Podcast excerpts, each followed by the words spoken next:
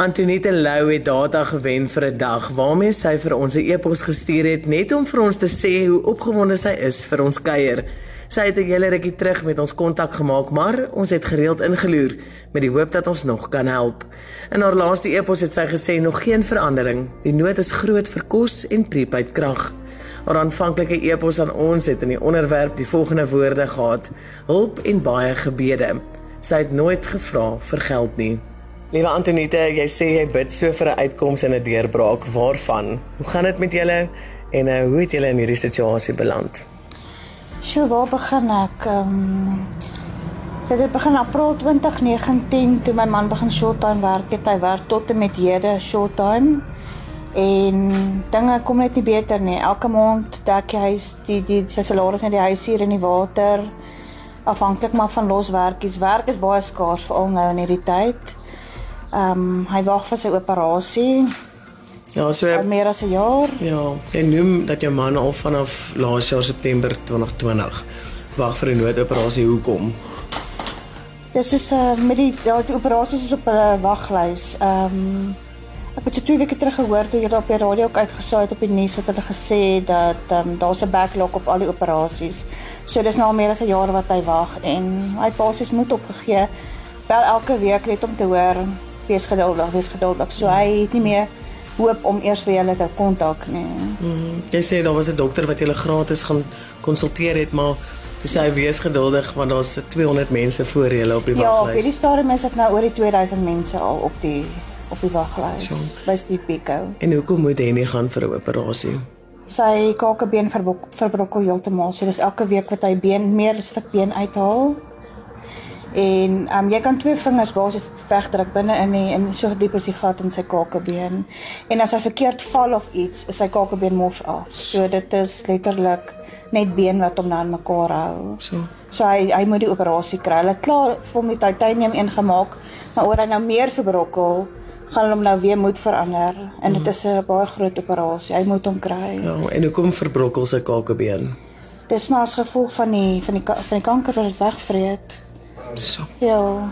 So Antonita, hoe hou julle tans kop bo water? Wat doen julle om 'n plan te maak vir vir ander dinge behalwe buite in julle huur en water? Hy doen maar, hy doen maar los werkies as daar los werkie is en maar vriende en familie wat help my ma wat baie help. Weet sy kry ook maar net 'n pensioen en sassa, so sy's ook altyd daar. En is maar maar vriende en familie om ons wat wat help soos wat hulle kan. So. Net genoem van die kakebeen kanker en kanker is iets wat regtig te doen het met tyd. So hoe langer jy wag, hoe meer versprei dit. Ja, die kanker kan net op versprei nie onder toe, so dit kan brein toe, maar dit kan nie res van die lyf onder toe sit in die gesigarea waar hy begin het. So dit kan opgaan brein toe. Antonite, hoe laat het jy lank gewag? Jy voel met die wete dat die kanker besig is om te versprei. Moedeloos, want dit voel of jy hoop verloor. Jy bid en jy bid en jy vertrou en of dinge nie beter raak nie, maar as jy net weet dit net slegter gaan. Mm. En hoe hou jy vir hierdie positief? Ek bid vir hom. Mm. Dis al wat ek kan doen, ek bid vir hom. Mm. Mm. En wie maak jou hande sterk? Die Here maak my hande sterk. Hy het my deur diep waters gebring. Mm. Mm. So jou man werk tans en as 'n nuts nutsman sê hy 3 keer 'n week. En uh, hoekom werk jy nie Antonita? Ja, werk is kos. Ek kyk maar as daar werk is. Ek het gisterond die hart gebid buite. Ek loop op en af in die tuin en bid en dat die Here net vir my op iets gee wat ek kan doen. Ek het al probeer vetkoek bak van die huis af, maar almal doen dit so. Hmm. Dit hou nie lank nie. Een begin so, dan proaktief, ja. Daar is te veel goed, weet en hier is nie werk in hierdie dorp nie, is ja. nie. Wat kan jy doen Antonita? Iets van alles. Ek kan in die kantoor werk. Ek is lief vir kos maak ek sal enige kantoor werk doen. Ek het tele selfs gedoen vir 4 jaar. Wow. Ja, so ek kan dit ook doen. Okay, awesome. So Henny, jy gaan deur 'n wille tyd. Wat het hierdie kanker in jou kakebeen veroorsaak? Uh volgens die dokters en wat ek nou navorsing vir al gedoen het, enige ou breuke, krake wat jy gehad het, jou been vorm so beskermde dik laagie bo. Hmm. Nou, een uit 30000 mense vorm hy gewas. En dan die gewasie wat nou oor sit sy kwartaardig raak en begin hy been eet dan verbrokkel jou been. So. En die kanker is nou redelik onder beheer. Dis nou net die kakebeen. Ja, wat, net die kakebeen. Wat herstel moet word. Ja. Okay. So en net ten spyte van dit waar jy gaan, werk jy nog ehm um, wanneer watter dae is vir jou moeilik? Uh kom ek stel dit so om eerlik met te wees, as ek 'n dag moet opstaan sonder pyn, gaan ek dink as iets fout met my. So. So. So. So en en jy sê as jy nie 'n geleentheid werk toe het nie, hoe ver stap jy hier nie? Nou, is 14 kilos. Ek begin 4 uur die oggend loop as ek so 20 vir 7 by die werk. So. Jy is drie in 'n gesin. Vertel ons 'n bietjie van jou seun Henrik. Henrik is nou 13 jaar oud en ehm um, hy was nou onlangs in die ehm um, impakskool gewees waar iemand hom geborg het. Het hom 'n vorige keer ook geborg, maar toe die borg nie betaal nie, so hy het 'n jaar agter geraak.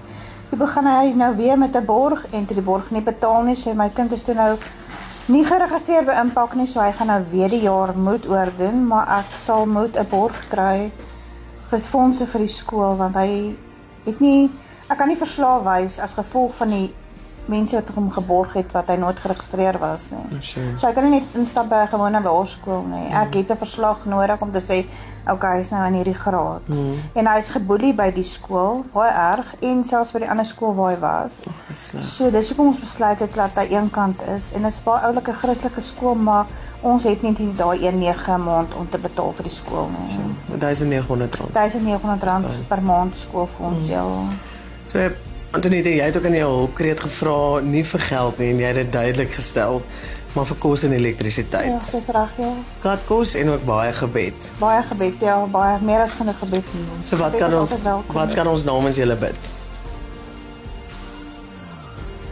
Die grootste gebed is ek wil net graag help hê vir Henny vir op sy operasie en Henrik vir skool, dat hy kan skool gaan. Geleerdheid is baie baie belangrik. Mm verseker. So hy wil skool toe gaan verseker. en hy nie die skool die die doorsentrum en hy's gemaklik daar met al die maats en die juffrou so ek wil net graag geborg hê vir die operasie en 'n borg vir die skool. Hmm.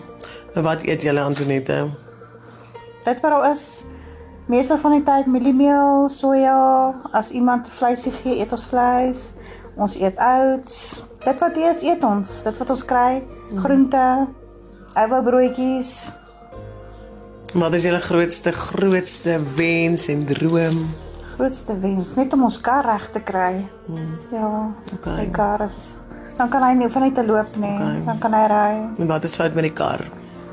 Sjoe, daar was 'n baie fout gewees. Ehm um, hy kort nou Wat is daai ehm um, stabilizing rubbers of iets want hy hop 'n bietjie rond op die pad. So hmm. hy sal en die lisensie is agter. Dit is dit. Ja. As gevolg van finansies. As gevolg van finansies en COVID, ja. Okay. Liewe Antonette en Henrique en Henny. Ehm um, ons kan vandag met behulp van krydeniers vir 'n skenking van twee engele wat toevallig in aanhalingstekens Christa en Marie vir ons gister bokse, drie bokse nuwe bederfbare kos vir ons gebring het. So ons bring dit vandag vir hulle vir julle van hulle. En ons kan ook as gevolg van donasies vir julle R2000 se krag bring. Baie dankie. Van baie help. En ook met behulp van ons familie by Spar R1000 geskenk bewys vir kredietnuusware. I'm Die eerste ding wat Henny sê nadat hulle moeilik ontvang het, was die woord styk. Mense kon sien hoe smil hulle aan die gedagte van iets wat ons baie maal van selfsprekend net voor die hand liggend aanvaar. Ja, die ideaal is om vir iemand 'n visstok te gee, maar soms het iemand 'n vis nodig, meer as 'n vis, 'n drukkie. Woorde van waarheid en bemoediging en gebed. Ons is so jammer vir julle omstandighede, maar weet, geen om hoe groot ons omstandighede kan raak nie, hy bly groter. Mag hierdie vir julle 'n keerpunt wees in Jesus naam.